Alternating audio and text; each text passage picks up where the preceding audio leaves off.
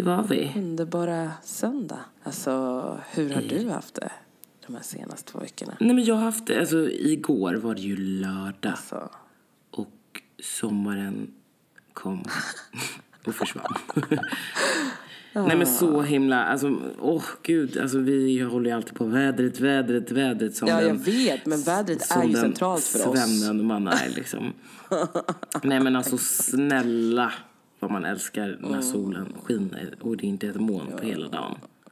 Nej men alltså, det händer det ens? Det är ju typ det, så här, varje gång det händer så är man så här, kan, är det här på riktigt? Det kommer ju komma ett så här, man blir lite så här. Men, passa på och njut typ. Vi maxade. Ja, eller jag jobbade några Maxade timmar på dagen. förmiddagen och sen Mm. så maxade vi också. Vad gjorde ni för härligt? Alltså vi var ju, min dotter är ju då mini-projektledare så att hon hade ju koordinerat ihop en eh, träff med sina kompisar. Okej. Ja, ja. Mm. Så att, eh, det var så här, mamma får styra upp lite i förbifarten och prata med föräldrarna men hon har redan pratat med kompisarna. Hon var vi redan ska på till Skansen. Jaha, okej. Ja, ja, vi ska till Skansen. Vi ska kolla på djuren, vi ska kolla på kvar, vi ska gå dit. Alltså hon ville typ göra allt på Skansen på typ några timmar. Jag bara, nej, alltså älskling. Vi kan åka till Skansen, vi kan ta med dina kompisar, men vi kanske får välja någon grej. Och vi dessutom måste prata med kompisarna så de var med på honom och bara, men det kommer bli jättekul, det kommer bli jättebra. Jag bara, ja, det, det, det kommer absolut. Jag kan tänka mig att det var, ni inte var ensamma på Skansen. Uh, alltså, vad hände?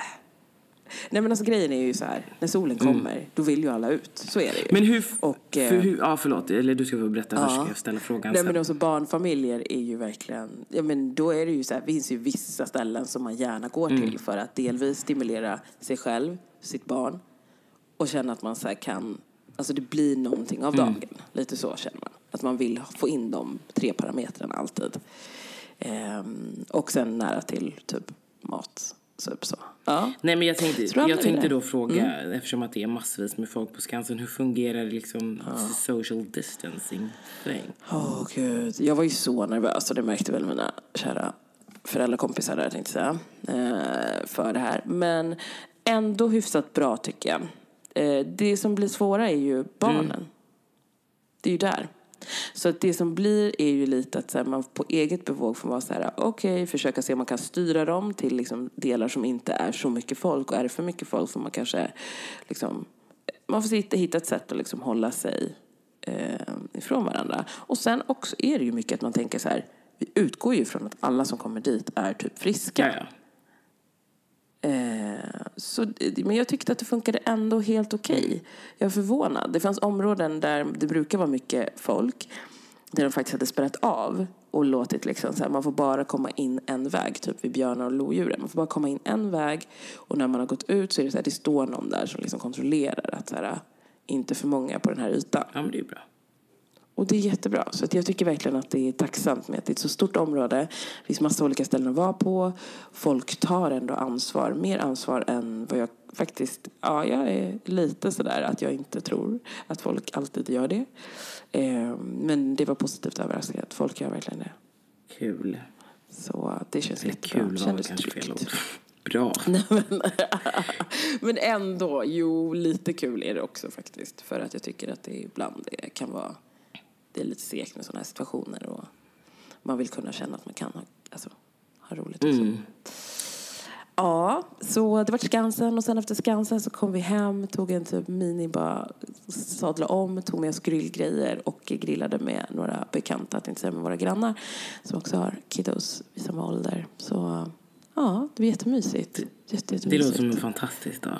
Men jag såg också att du var på Rockbrows. Alltså, okej, det var, jag skulle ha skrivit att det var later gram, för det var det. Alltså later story. Eh, det var, jag var faktiskt där i veckan. Eh, och eh, det är så att jag har en bekant, som, eh, en vän som har, håller i hårdelen där. En av våra så här, Eh, som jobbar på det. jobbet, som jobbar på jobbet, okej. Jag jobbar, hon jobbar. Hennes syster är hon som också är där. Som gör brynen. Men gud. Hon är Rockbrows. Men hur många... Ah, hon, ah, det är hon som är Rosanna Ja. då. För Rosanna är ju hon som... Precis. Alltså det stället. Okej, låt oss, förlåt, inflika att det behövs pratas om. Alltså det här stället är så inspirerande. Alltså det, och dessutom personerna som är... Bakom. Alltså de bakom, ja. Gud, ja. Alltså jag har ju följt bara Rockbrows via alltså, Instagram. Jag har faktiskt inte gått och gjort mina bryn där än. Eh, men eh, alltså, alla får ju så jäkla snygga bryn, mm. tycker jag. Det är verkligen talk så... of the town. Ja, men verkligen. Ingen verkar ju gå därifrån missnöjd. Så känner jag att eh, hittills i alla fall vad jag har eh, research, research kring. Eh, men de är jätteduktiga verkligen och det verkar som att de gör ganska mycket. Och sen så hade de liksom så här, de har ett nytt ställe, superfint, väldigt rosa.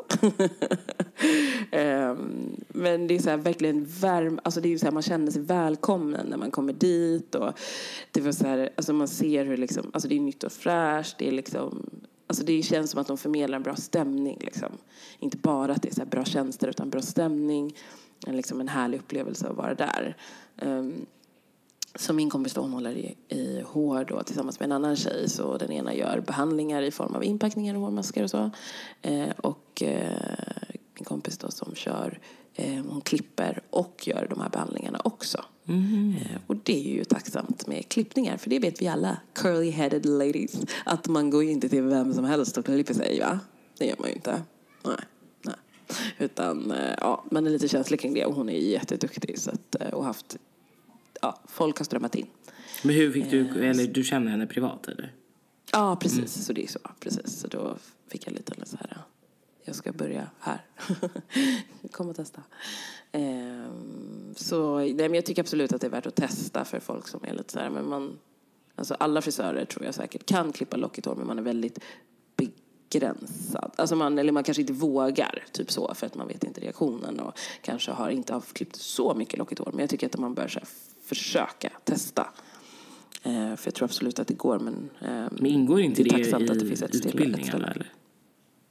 Jag tror faktiskt att de flesta utbildningar gör det, men många ställen som man klipper, lock, eller så klipper men som man behandlar lockigt hår, typ med rakpermanent och liksom sew-ins och eh, uppsättningar, alla sådana saker, så är det oftast att det inte finns någon som klipper. Mm. Det brukar vara så här, vi rakpermanentar gärna ditt hår. Vi, vi kan texturera ditt hår. Vi kan eh, alltså göra weave och vi kan göra allt det, men vi klipper inte. Nej, okej. Okay. Eh, det är jätte, jättevanligt. Eh, så jag tycker att det här känns så skönt att det finns ett ställe man kan gå till och faktiskt behandla sitt hår och lära sig om sitt hår också. För det gör de också. De gör håranalyser också och så på kunder. Så man får veta lite om vad som kan vara bra för en och inte. Och de använder också väldigt alltså, snälla produkter. Mm. Eh, alltså så här, ekologiska och naturliga ingredienser i produkterna. Så att eh, det ska vara snällt mot hår och hud, helt enkelt. Sweet. Ja. Mm. Så det var en liten boost för det. Ja. Rock och. Nej, men jag såg det. Det var därför jag tänkte att jag ville uh. fråga dig kring det. Ja. So you're happy. Uh, ja, alltså jag har ju som sagt, jag ska säga så här helt ärligt, jag har inte varit på en behandling där än för jag har försökt boka tid och det var fullt Jaha. länge. Så om två veckor ska jag dit, men jag har varit där och hängt. så roligt. så jag har varit där och hängt lite och kommer nog kanske gå dit och hänga lite till för att de är så himla trevliga och det är så mysigt och fint. Um, ja, so that's why.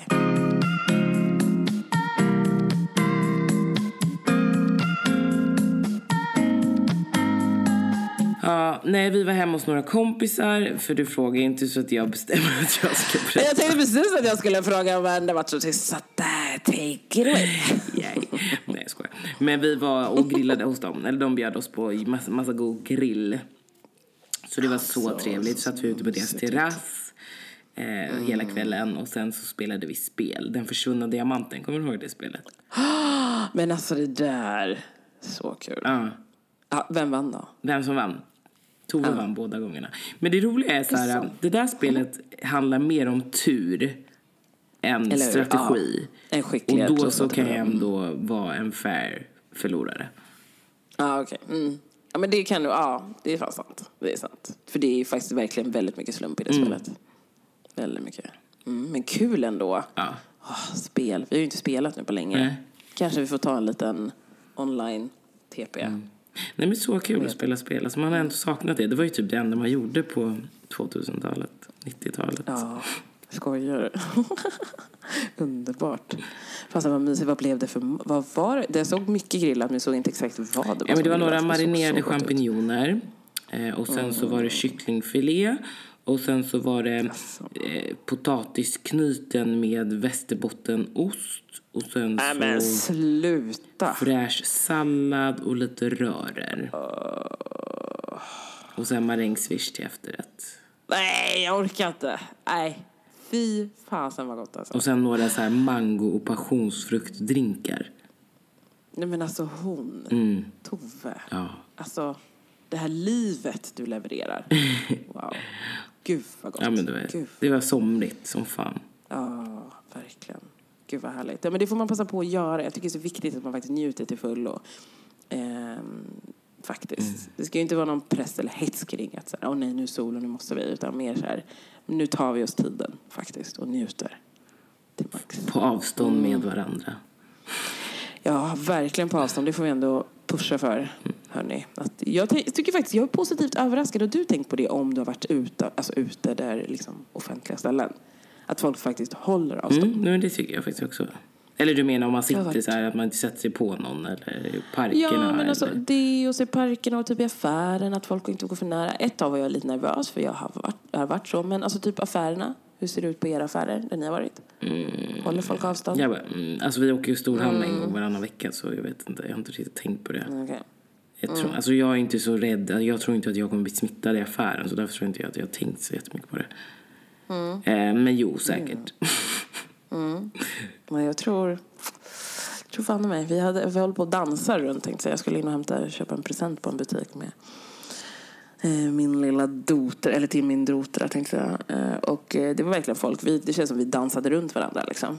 Alla var där avståndet och bara så oj ursäkta jag ska inte, jag väntar gärna. Jag, jag, så... Nej men på tal om det det så var det ju liksom? fett stelt tycker jag snarare.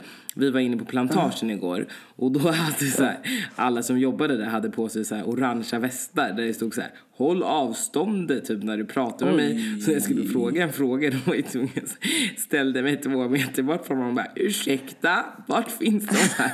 Då kändes, då kändes det bara så jävla konstigt. Men gud, det var ju ett steg längre. Det har man ju inte sett. Nej det hade faktiskt inte jag heller sett. Wow. Då måste det ju vara... Jag tänker så här, alla de ställena som vidtar åtgärder som är värre, de måste ju ha... Alltså där det har råkat ut för ganska mycket. Ja men det är ju många som vill fixa hemma i sina trädgårdar. Alltså det är ju det är plantagen och blomsterland, allt det där, det går ju succé. Det måste gå så jävla bra. De har ju...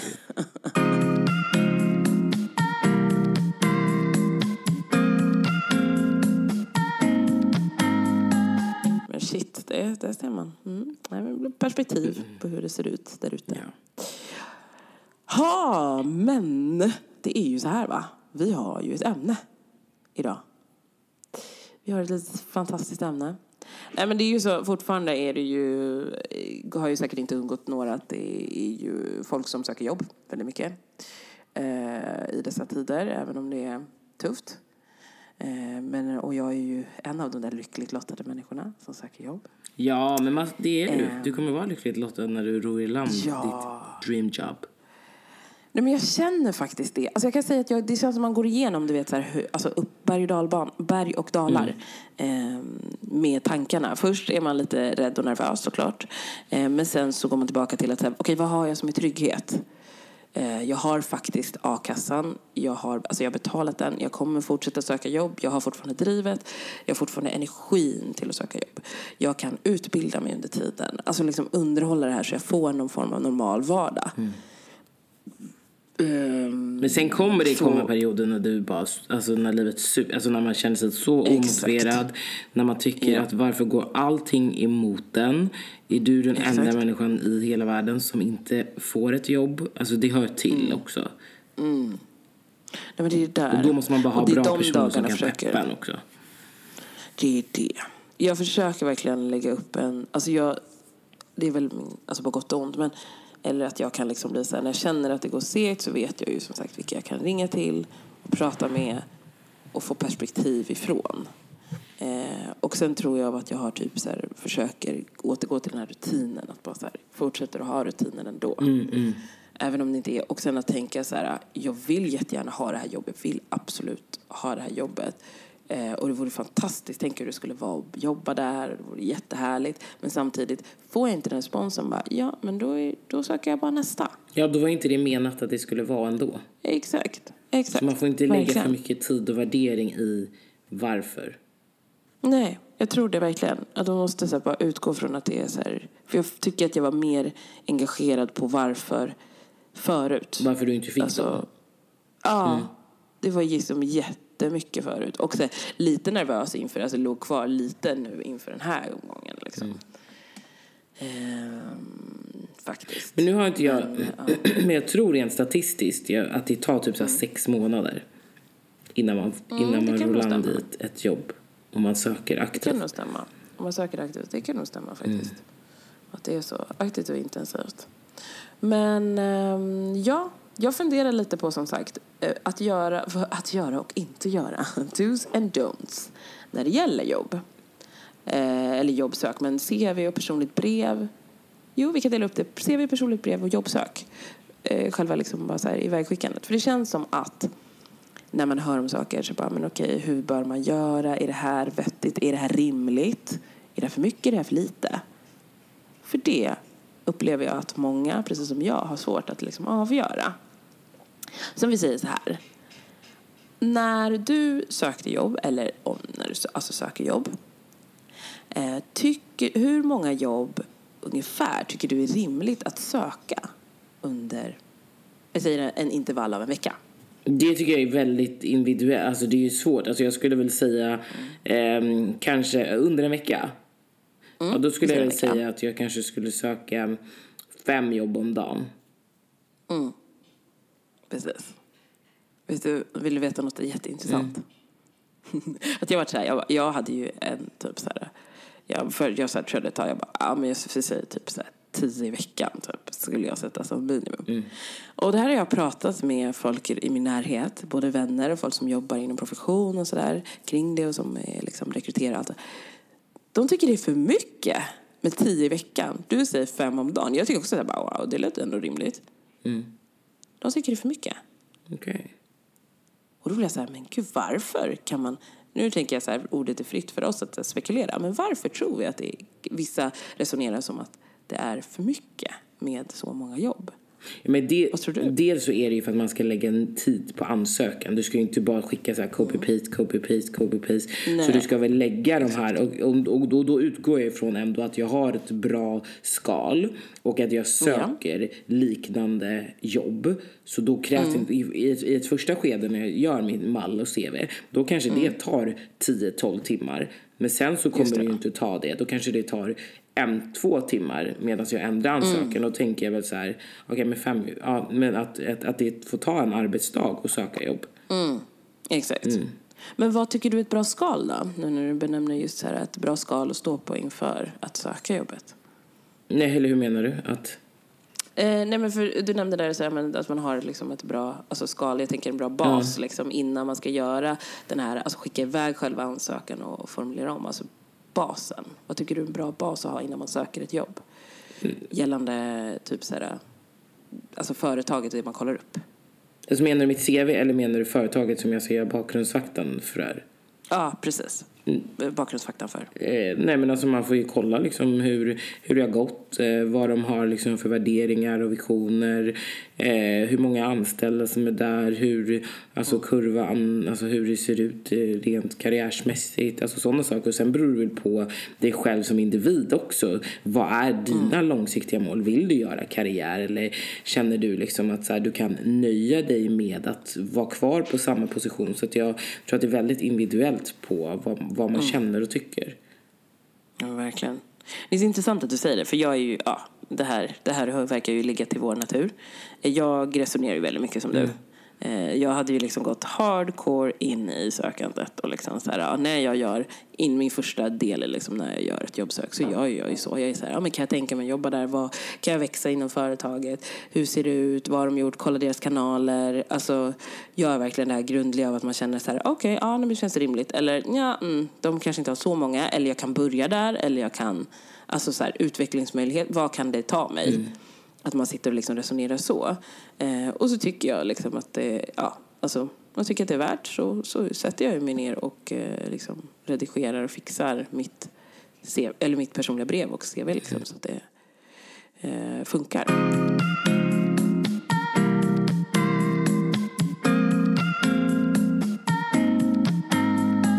Eh, men det är så intressant, för jag tänkte så gud, jag, alltså, har, vadå, gör jag för mycket? Så jag fick tydligen sagt till mig att jag skulle ta lite, väl, lite lugnt. Nej, men okej, men då vill jag gärna veta vad deras argument till det var. Alltså, vad, ska man söka ett jobb i veckan eller? Men det är det här, för då tycker jag att, att det inte alltid kanske är jättebra kvalitet på det man Nej. gör. Eh, finns det vissa, när man söker så många, eh, att man tydligen inte blir så engagerad. Och sen så finns det också så här, men typ enligt många yrken så är det så här att du ehm, ja, men om du är väldigt ambitiös inom det och sen så kanske andra delar, att du kanske stressar ut dig, alltså du jobbar så mycket, så hårt för det, så att du blir helt slut istället och inte ger dig tid till att liksom ladda om. Ja men okej, alla de argumenten kan jag ju köpa. Men jag tror också att det är i fas, alltså olika period. Vi säger att jag söker 25 jobb en vecka, då kanske jag söker två jobb veckan efter. Alltså sådär också. Ehm, att det inte bara handlar om att okej nu sitter jag ett halvår och söker 25 jobb i veckan. Det är, ju- det är Ja, ju inte rimligt för någon. Men jag tänker också man måste Nej. komma in i det där också. Att få, för Ja. om du bara har sökt, för det går väl typ ett ja på tio nej säger vi. Så om du bara Mm, har sökt på en månad, har sökt tio jobb, Mm. då är det inte så stor chans att du kommer komma på en intervju. Så jag tänker så här att du, du maxar i början liksom. för att öka chanserna. Men sen också för att komma in både i skrivandet, hur du är, för att det är energerande att gå på arbetsintervjuer, att förbereda sig rent mentalt. Men när du redan är inne i det lingot så har du liksom det med dig och då blir det lättare och lättare för varje gång. För så upplevde jag det i alla fall. För att jag kanske hade, det var ju skitjobbigt att liksom ladda om hela tiden men om jag hade två, tre intervjuer inom en veckas intervall då kände jag mig ganska självsäker på den tredje och sista intervjun. För då hade de kunnat ladda upp de två andra och sen så bara okej men Just nu det. vet jag. Och ibland så kunde jag också faktiskt söka sådana jobb som jag kände lite 70-30, alltså jag kanske inte ville ha dem till 100% men jag kände Ja. att det var en bra möjlighet att gå på en intervju. kanske. Mm, just det, just det. Det är ju, och det är ju viktigt också. Mm. För man behöver ju den där boosten också. För att ibland så, som du sa i början där, man kan ju, det går ju ner ibland och man känner så här, åh trögt, det händer ingenting, jag får inget svar. Vad är det, vad är det som kan vara fel? Och då kan det ju vara skönt att få den där boosten av att säga, okej, men nu har jag faktiskt kommit till intervju, jag får komma till intervju, jag får prata och jag får testa, lära mig hur den situationen är. För den är ju också annorlunda beroende på jobb och situation. Men det finns ju en bas som alla utgår ifrån liksom.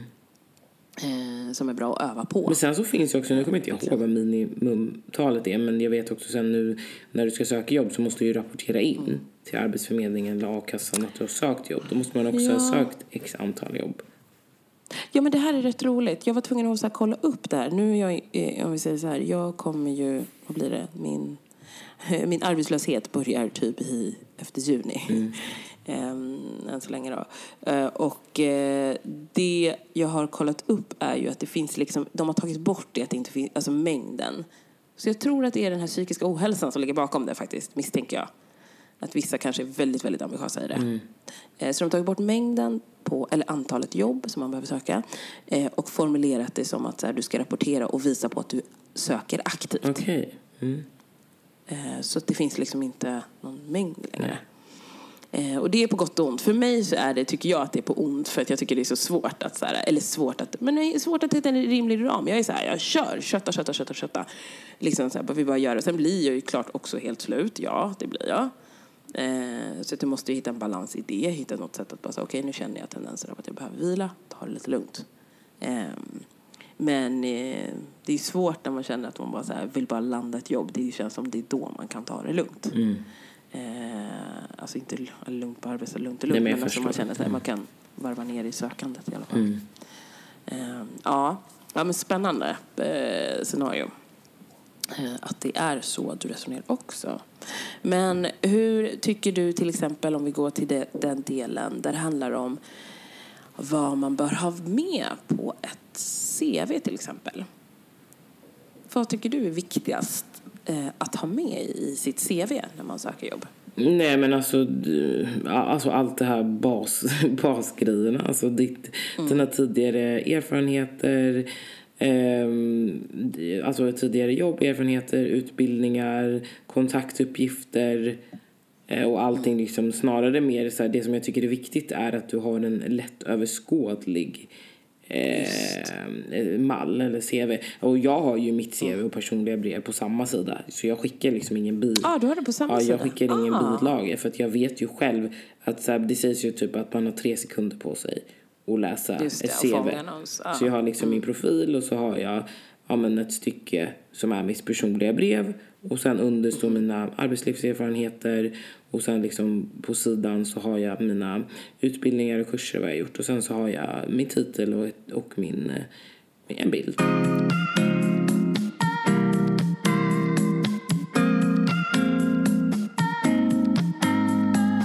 Alltså det låter ju som att du typ måste skicka mig den. För att jag är så här bara, hur ska, alltså jag kommer ihåg i början, jag bara, hur ska det gå?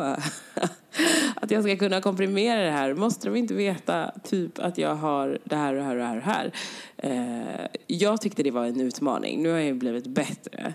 Eh, absolut bättre när jag tittar på hur mitt första CV såg ut. Mm. Men alltså det svåra är med liksom att veta så här, okay, vad är relevant för nu ska man ju gå in på så här, vad är relevant för den här tjänsten. Mm. Eh, vad kan de tänkas, alltså vad kan boosta mig som person? Eh, alltså vad av mina grejer är liksom de bästa av de bästa som, är, som passar den här rollen som jag kan visa upp och ha mitt CV. Precis. Eh, för det kan jag säga att så var det inte förr. Det kändes som att man, så här, man var tvungen att ha med typ allt, allt. Bara, men ingen hinner ju läsa allt, allt. Ja, eller snarare ingen pallar läsa allting. Exakt, exakt. Eh, det är liksom inte heller av intresse oftast utan då blir det så här, ja, move on to the next typ. Mm. Eh, men, eh, ja men vad intressant att ha personliga brev på samma, för det kan jag säga att det har jag inte, eh, det har, ja jag har inte gjort det. Men det är klart, det låter ju helt rimligt. Ju mindre man behöver titta på fler saker, desto bättre. Ja men exakt. Och sen också att det blir så här så behagligt för ögat och, och läsa det bara. Mm. För det är det där som är så här, man känner eh, balansen kring att kunna hitta något som är behagligt att läsa. Det ska finnas, kännas luftigt. Mm. Liksom. Det ska inte vara för mycket på sidan. Eh, en bra, ett bra typsnitt, eh, tänker jag, som är alltså lätt, lätt för folk att, att hantera. Eh, så att det inte är för smalt, inte för tjockt heller. Eh, men att kunna, det ska vara enkelt att läsa helt enkelt. Mm. Eh, ja, spännande. Jag har mejlat dig redan. Kolla på. Har du redan mejlat mig? Oh my god, det var spännande. Jag tänker att jag får titta det i en rum så att ni på podden får inte vara med om det. Nej.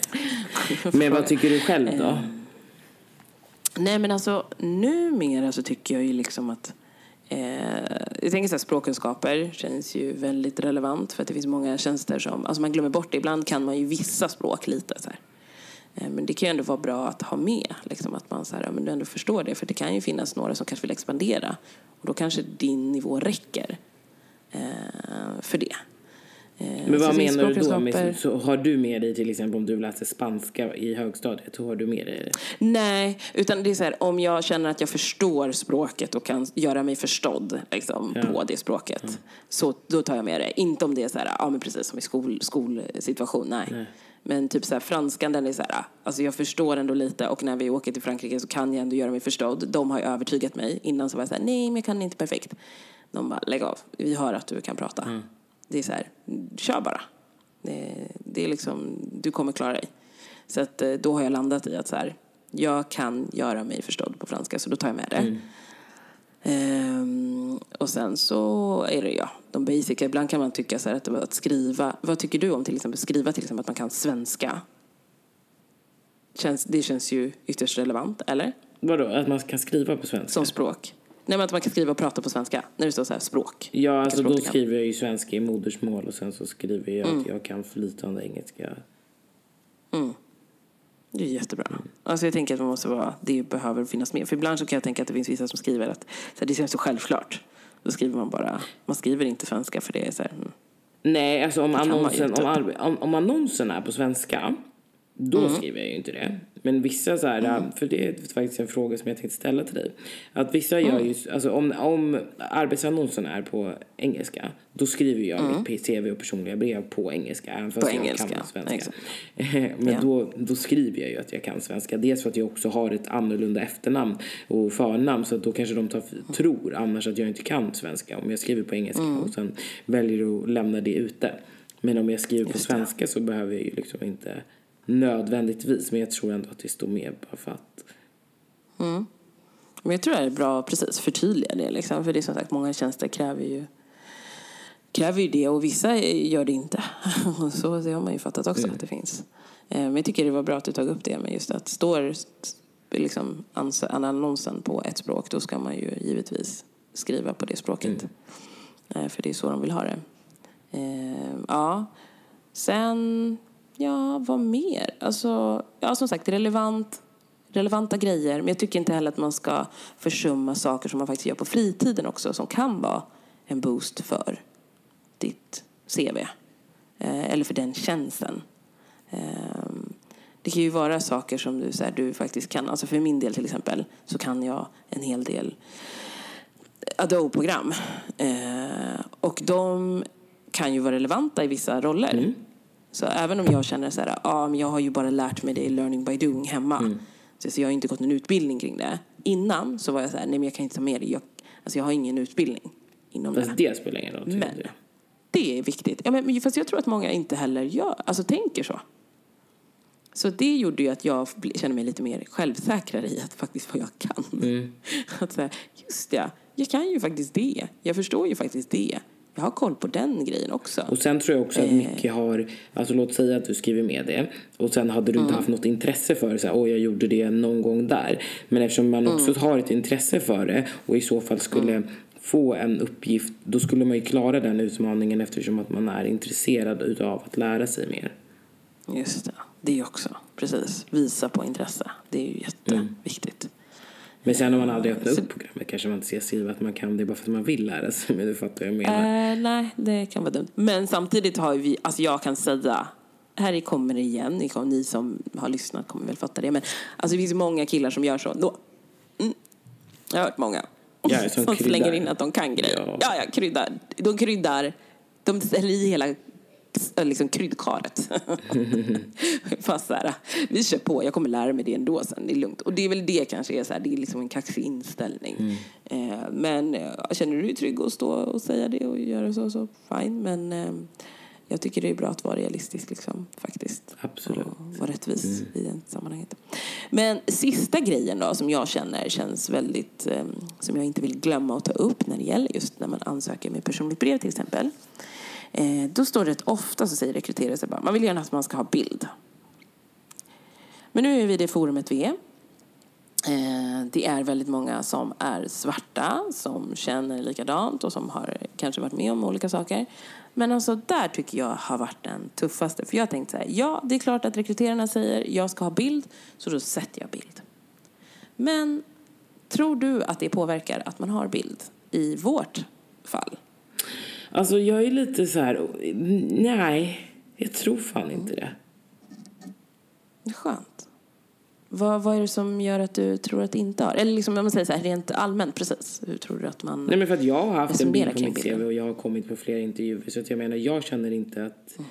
det är någonting som har alltså vad säger man, alltså ska, Hem, alltså precis, alltså, ska. Ja. det har inte varit negativt för mig att ha en bild. Mm. Och jag tror mm. typ inte att det är det nu. Alltså hade du frågat mig för mm. 10-12 år sedan då kanske mitt svar hade varit annorlunda. Men jag vågar mm. ändå tro att, mm, att man, nej men att det inte ska spela någon roll. Mm.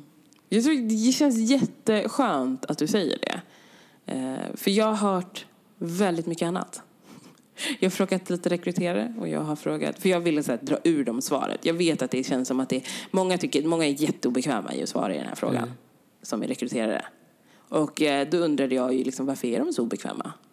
Varför är det, alltså, nej men då är det ju för att det är, det är ju tydligen fortfarande så här att eh, det påverkar. Eh, så jag har fått följande svar.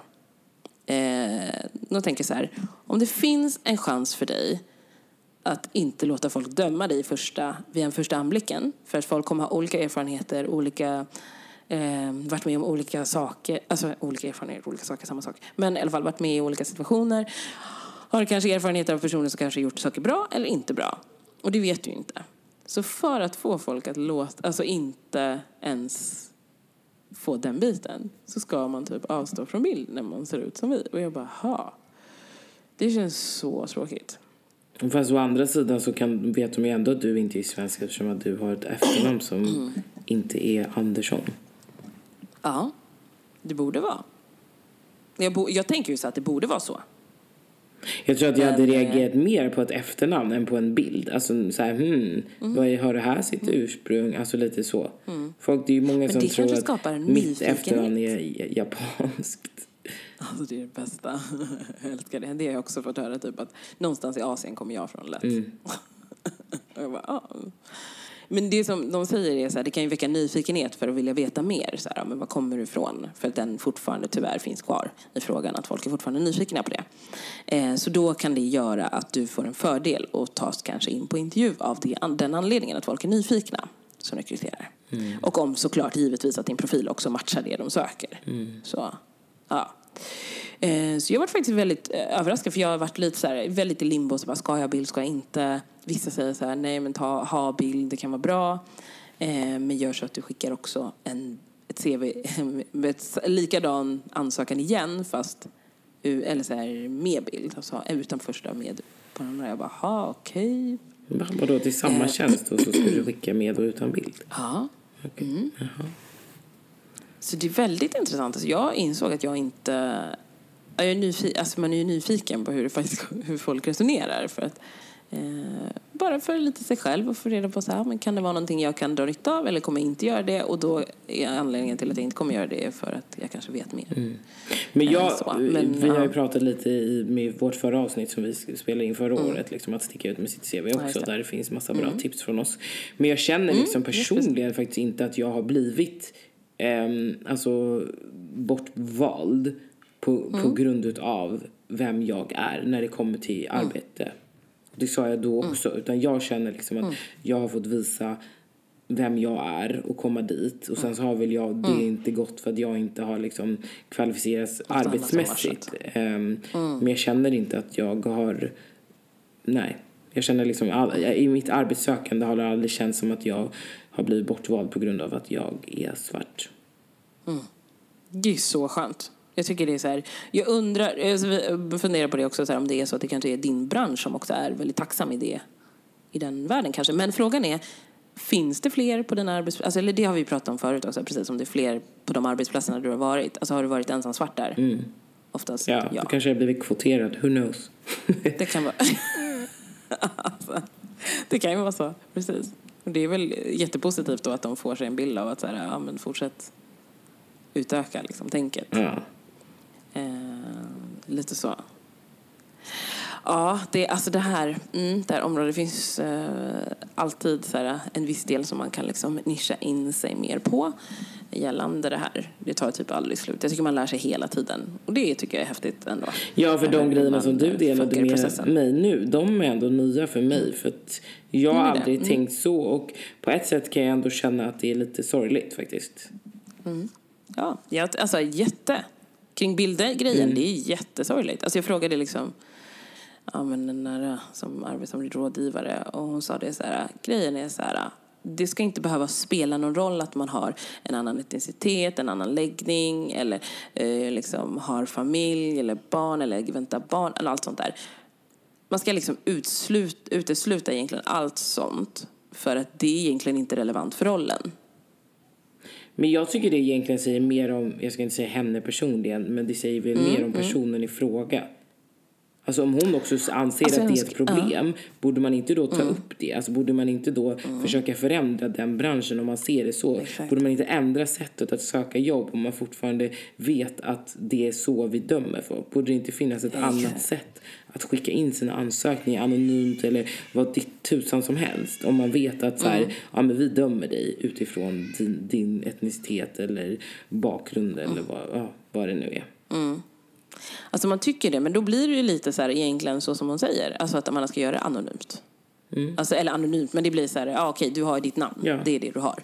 Men allt annat är så här rent baserat på det du faktiskt kan. Why not? Och det känns ju, alltså, för det var det hon, alltså hennes conclusion liksom var. Att så här, det ska vara baserat på det du kan och det, du- alltså det du kan ju bidra för jobbet och rollen. Det är det relevanta. Det andra behöver du inte ta med.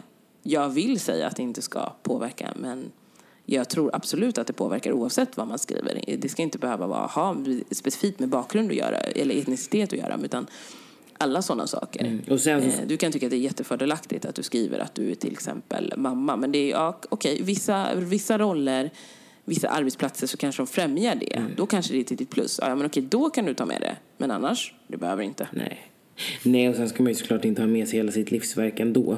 Eh, så man Alltså- väljer att highlighta det som är relevant. Men eh, Mm. vad var det jag tänkte på?